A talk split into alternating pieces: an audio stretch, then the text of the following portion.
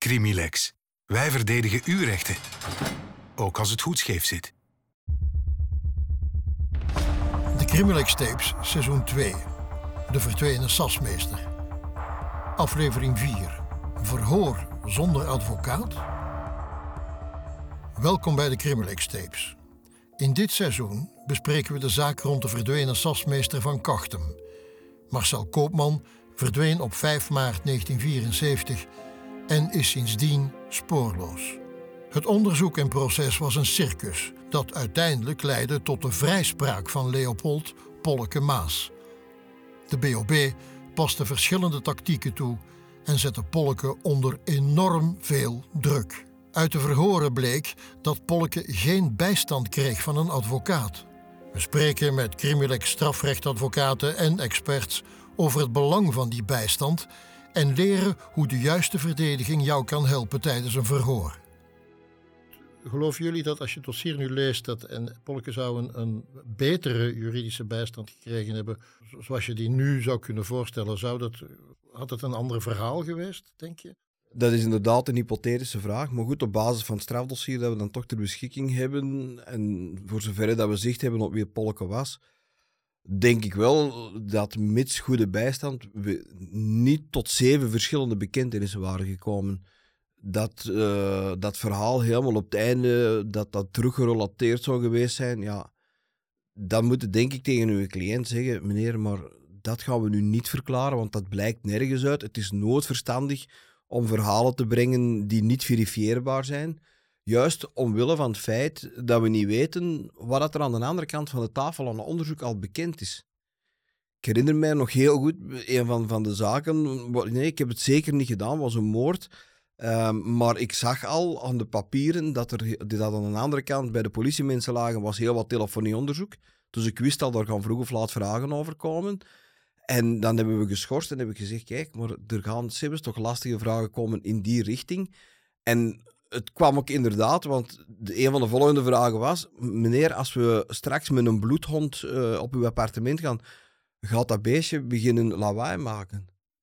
Nee, nee, zeker niet. En dan heb ik gezegd, maar zij er want waarschijnlijk is men al geweest. En na de onderbreking was de volgende vraag: meneer, we zijn dan met een bloedhond en die is toch beginnen uh, blaffen. Ja, dan weet op dat moment heeft het geen zin om nog te ontkennen.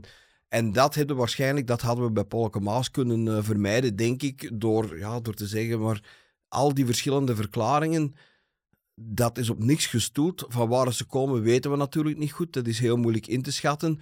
Maar ik denk uh, dat dat met de huidige bijstand, als die goed geleverd wordt, want dat is natuurlijk nog altijd de, de, de, de grootste voorwaarde, dat die onnozelheden er waarschijnlijk uh, niet hadden bij geweest ja, het, is waarschijnlijk een understatement om te zeggen dat, uh, dat Polke wel onder druk heeft gestaan tijdens de uh, verhoren. Want ik denk dat op, op dat moment, dat, dat, we ons kunnen afvragen, is hij, is hij daar goed in begeleid? was er ook een mogelijkheid om hem daarbij te helpen? Waarschijnlijk zal dat absoluut niet geweest zijn. De wetgeving was nog helemaal anders. Maar ehm, ja, wat hadden jullie toen gedaan en wat, zou, wat doen jullie nu eigenlijk om cliënten toch te helpen om met die druk uh, om te gaan? Ja, op deze moment en in de huidige situatie is een, is een bijstand bij een verhoor totaal anders. Het is helemaal niet te vergelijken. We hebben een voorafgaandelijk overleg. Met een beetje geluk weten we toch ook wel in welke richting dat een uh, verhoor evolueert. Of wat dat men uh, tegen iemand zal hebben. dus wij kunnen daar we kunnen niet, we moeten daar goede bijstand in leveren. Uh, maar dat vergt uh, ja, ook wel wat onderlegdheid en expertise. En vandaar dat het heel belangrijk, en daar ben ik persoonlijk heel blij mee, dat is dat er vanuit de Orde van Vlaamse Balies uh, daar heel erg op wordt ingezet. Onder andere in een supralatopleiding, een twee- of driedaagse opleiding, voor advocaten die nog bijstand willen verlenen via het Saldusweb. En dat is denk ik een hele grote vooruitgang. Het zit gewoon in het woord bijstand al. Er wordt team gevormd ik kan al sperren met iemand die in die materie thuis is. Ik kan daardoor, als degene die verhoord gaat worden, rustiger er naartoe. Niet alles wat ik gezegd heb, niet alles wat ik denk en meteen onder woorden breng, uh, zal meteen ook aangenomen worden. Er wordt overleg gevormd en ik ben veel rustiger. En wanneer ik rustiger ben, dan ben ik minder suggestibel. Ben ik minder, ben ik met twee om te bewaken dat mijn gedachten niet alle kanten gaan en, en dat ik zelf dingen begin te geloven. Of dat ik dingen begin te verklaren die niet relevant zijn, ook misschien zelfs niet waar zijn. Polke Maas heeft in de brieven die hij aan de onderzoeksrechter schreef om zijn nachtelijk verhoor of zijn bekentenis uit het nachtelijk verhoor van de dag ervoor te weerleggen, vaak zelf aangegeven van kijk, ik was zo moe, ik was uitgeput, ik ben uren en uren en uren ondervraagd. En ik ben, om tot rust te komen, heb ik maar toegegeven aan de aanleidingen, zo noemt je dat, de aanleidingen die door de BOB zijn aangebracht. Of dat in dit geval waar of niet waar is, durf geloven dat het wel zo zal zijn, maar in het algemeen bestaat dat. Uh, dokter Geven gaf ook aan, iedereen die verhoord werd of wordt, is kwetsbaar. Iedereen is daar kwetsbaar. Laag, hoogbegaafd, rijk, arm. Uh, de toestand van precair tussen vier muren te zitten en geconfronteerd met verschillende verhoorders, al of niet met bepaalde druk of, of technieken, maakt iemand kwetsbaar. Men wil naar huis. Men denkt, wat gaat de buitenwereld over mij zeggen? Mijn werkgever, mijn vrouw, mijn cliënten, de, de mensen in de straat. Iedereen is kwetsbaar. En wanneer er dan iemand naast zit die bijstand levert, en ik, ik zeg wel naast zit, die bijstand levert, die actief aanwezig is, dan maakt dat een heel groot verhaal. En niet alleen direct in het resultaat van dat verhoor en van de gerechtelijke procedure, maar ik geloof daar, ik ben er ook heilig van overtuigd, dat wanneer aan het eind, aan de eindmeet de straf wordt bepaald als dat zo is en de strafmaat wordt uitgesproken, dat iemand die een goed proces heeft meegemaakt, een goede vervolging, een goede behandeling en zich als persoon daarin uh, heeft kunnen vinden en erkent dat zijn rechten zijn uh, nageleefd, dat hij ook veel makkelijker zijn straf en zijn bestraffing zal aanvaarden. En dat is voor mij een goede bijstand. Maar je, je zei er net van, het gaat het, tijdens het verhoor dat je, dat je uh, werkelijk bij zit, dat je er fysiek bij bent. Maar um, misschien een uh, tipje van de sluier. Hoe bereiden jullie je cliënt voor op ondervragingen? Heb je daar tijd voor? Is dat mogelijk? En ja, ik wil niet naar, uh, ik wil niet naar, naar, naar bedrijfsgeheimen vragen, maar hoe, hoe bereid je mensen voor eigenlijk? Dat hangt natuurlijk al, begint al met de persoon die op dat moment nog voor u zit. Uh, de wet voorziet uitdrukkelijk dat we, we spreken nu over de mensen die zijn aangehouden en op dat moment bijstand vragen worden opgeroepen. We komen ter plaatse. En dan hebben wij wettelijk gezien minstens een, in principe een half uur. Dat kan in samenspraak met de politie wel verlengd worden, maar een half uur hebben we sowieso recht om met die mensen een vertrouwelijk overleg te hebben. En dan hangt al heel veel af van de persoon die naast of tegenover u zit. Is dat iemand dat zenuwachtig is? Is dat iemand dat zelfverzekerd is? Is dat iemand dat je al kent uit het verleden? Dat zijn allemaal elementen. En dan, ja, dan, dan, dan zijn er bepaalde zaken die men overlopen. Wij krijgen, of wij hebben het recht om een beknopte mededeling van de feiten te krijgen. Waar gaat het over? Daar kun de man of vrouw in kwestie al mee confronteren. Je kunt dan een strategie beginnen bepalen. Gaan we ons beroepen op ons al dan niet. Uh, daar kan heel veel over verteld en gediscussieerd worden. Wat is uw persoonlijke situatie? Zeer belangrijk. We denken ook al vooruit, denk ik. Uh, bijvoorbeeld uh, dossiers van intrafamiliaal geweld. Dan is de eerste vraag dat je moet stellen, meneer, is er ergens, of mevrouw, is er een alternatief adres waar je tijdelijk kunt verblijven? Waarom? Omdat wanneer dat men wordt voorgeleid bij de onderzoeksrechter, ja, het laatste dat men wil is in een explosieve situatie die mensen terug bij elkaar brengen. Er moet een afkoelingsperiode komen. Dus als we dan een alternatief adres hebben, kan dat ervoor zorgen dat de man of vrouw in kwestie niet wordt aangehouden, maar onder voorwaarden of met een enkelband wordt uh, in vrijheid gesteld. Dus er zijn heel veel aspecten die dan moeten en kunnen besproken worden. Dus zeggen van dat is iets dat we altijd doen, of het is altijd hetzelfde stramin. Dat klopt niet. Dat is echt afhankelijk van het dossier, het soort dossier, de soort lastenlegging, de persoon die voor je zit. De politiemensen waarbij dat je terechtkomt, is ook een heel groot verschil. Zijn dat politiemensen dat je al kent? Om een duur kende u mensen ook wel een klein beetje. Ik kom het liefst in dossiers waarbij dat mensen van de federale politie uh, betrokken zijn, omdat die wel weten of daar kunde van, van aangaan dat die echt wel weten hoe dat een ondervraging moet. Die, die zijn ook vatbaar voor kritiek vanuit de kant van de advocatuur de plaatselijke champetter ligt dat dikwijls iets moeilijker. Is mijn persoonlijke mening. Maar nu had het voornamelijk over uh, de, de, het voorbereidend gesprek voor het eerste verhoor. Nu, uh, in het geval van Polken zijn dit het zijn dagen verhoren geweest. Uh, hebben jullie nu ook nog mogelijkheid om daarna nog privé, echt privé contact met uw uh, met, uw cliënten hebben? En, en wordt er dan, kunt u dan overleggen om van tactiek te wisselen en te doen? Uh, die mogelijkheden blijven er. Het beste voorbeeld is dikwijls uh, wanneer dat mensen ehm, in een bepaald dossier worden aangehouden, vragen bijstand, wij komen ter plaatse. zijn er bepaalde dossiers waarbij wij adviseren om zich te beroepen op een zwijgrecht en geen verklaring af te leggen?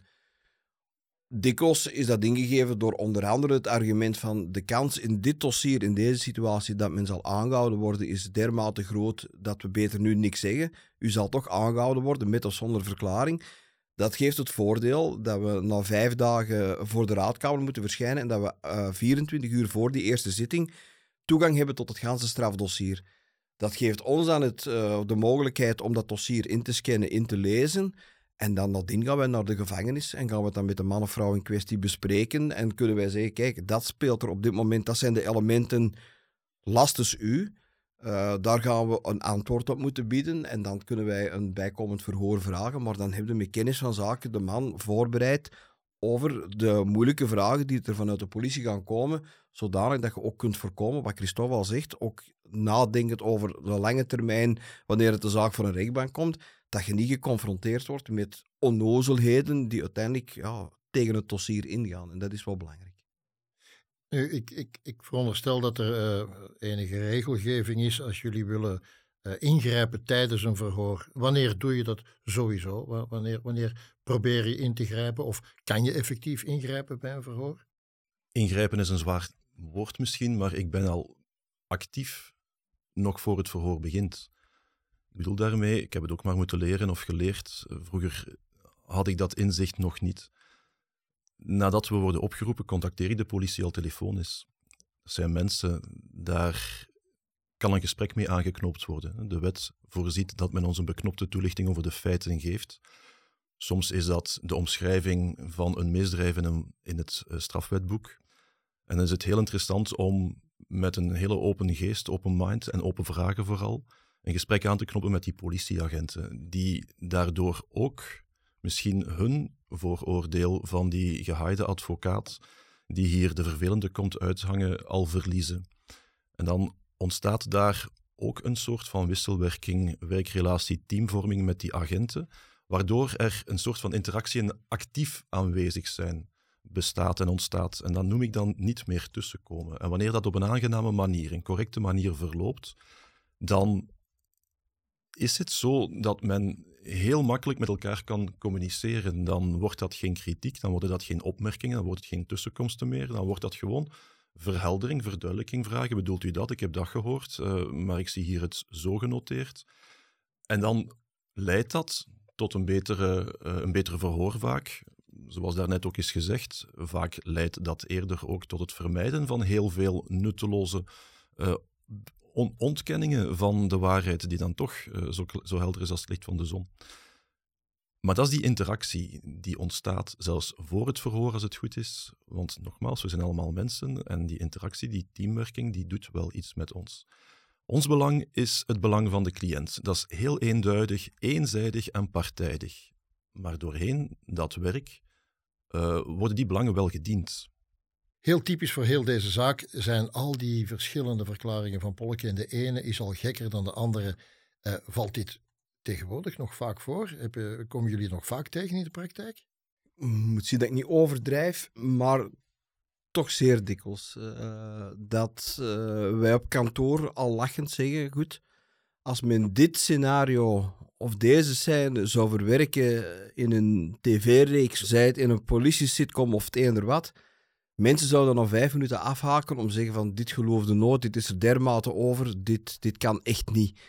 Ja, en in dit geval, de werkelijkheid overtreft echt wel heel dikwijls de fictie. Um, en we maken het heel dikwijls mee, want uh, als anekdote, bij ons op kantoor, we hebben altijd een weekvergadering. En om wat stoom af te laten, zeggen we dan, hebben we een figuur van de week.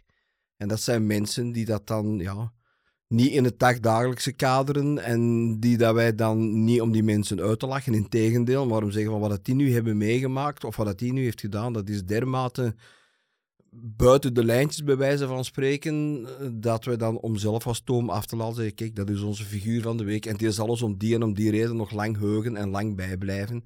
En dat is een manier ook om in moeilijke dossiers, zoals dit bijvoorbeeld, uh, om, om toch wel dat te kunnen kaderen en dat te kunnen loslaten. Ja, maar, maar doordat de realiteit vaak de fictie overstijgt, uh, dat wil dus ook zeggen dat je dat je heel voorzichtig moet zijn met een eerste oordeel. Dat je, hoe gek het verhaal ook is dat binnenkomt, dat je het, dat toch altijd o serieus moet nemen. Ja, dat, hoe, gek, uh, ja. hoe gek het ook is. Ik denk dat we altijd moeten vertrekken vanuit onze kant dan uh, als strafrechtadvocaat. Uh, het, het, eerste verhaal, of het verhaal van de cliënt, niet alleen het eerste, maar het kan ook stand houden. Hetgeen dat die man vertelt, moet je als waarheid aannemen. Tot op het moment dat je geconfronteerd wordt met elementen uit een strafdossier die dat, dat verhaal onderuit halen of doen wankelen. En dan denk ik dat je als goede advocaat je cliënt daarmee moet confronteren en zeggen: meneer, maar uw verhaal, ik geloof dat, maar het onderzoek is gebleken dat dat en dat blijkbaar toch niet blijkt te kloppen. Ik wil niet zeggen dat uw verhaal niet klopt, maar we gaan daar wel een uitleg aan moeten geven mm, waarom dat die elementen in uw dossier zitten. En zo komt het denk ik dan uiteindelijk ja, tot een evenwichtig dossier en een evenwichtige verdediging. En kunt je iemand pas goed bijstaan als je ook die confrontatie met je cliënt durft aan te gaan. Dus waarheidsbevinding is voor jullie als strafrechtadvocaat wel heel belangrijk. Ja, we, Christophe heeft al gezegd, wij dienen alleen het belang van de cliënten, niet van het Openbaar Ministerie, niet van de maatschappij. Maar de waarheid kennen helpt wel bij een goede verdediging. Maar natuurlijk, dat neemt niet weg dat wij af en toe geconfronteerd worden met cliënten die tegen de bevindingen van het dossier in blijven ontkennen. En dat maakt het dan op een zitting heel moeilijk, want de cliënt wil dat je blijft betwisten, hoewel dat je eigenlijk zegt van hier valt niet veel te betwisten, want er zijn dermate veel bewijzen tegen u. En dat, is, dat zijn dikwijls de lastigste dossiers om naar de rechtbank te trekken. Ik viel bijna van mijn stoel toen ik in het dossier van Polleke Maas las of toch moest vaststellen dat de advocaten van de verdediging zozeer van het waarheidsgehalte van de verklaringen van hun cliënt, tenminste van de laatste verklaring van hun cliënt, overtuigd waren dat ze aan het Hof hebben gevraagd. Ze hebben het eerst aan de kaak gesteld dat het in het onderzoek niet is gebeurd, maar aan het Hof hebben gevraagd om hun cliënt een waarheidsserum toe te dienen, om dan een nieuw verhoor te laten ondergaan. En uh, dat is gelukkig geweigerd. Dit was het tweede seizoen van de Crimilex tapes. Een seizoen waarin we het verhaal van de verdwenen sasmeester van Kachten behandelden. We inzicht kregen in de impact van ondervragingstechnieken. We verschillende valse bekentenissen aanhoorden. Maar bovenal het seizoen waarin nogmaals het absolute belang van kwalitatieve juridische bijstand duidelijk werd. Wil je meer achtergrondinformatie of wil je zelf de originele stukken van het dossier inkijken? Dat kan. Schrijf je in op criminalix.be/podcast.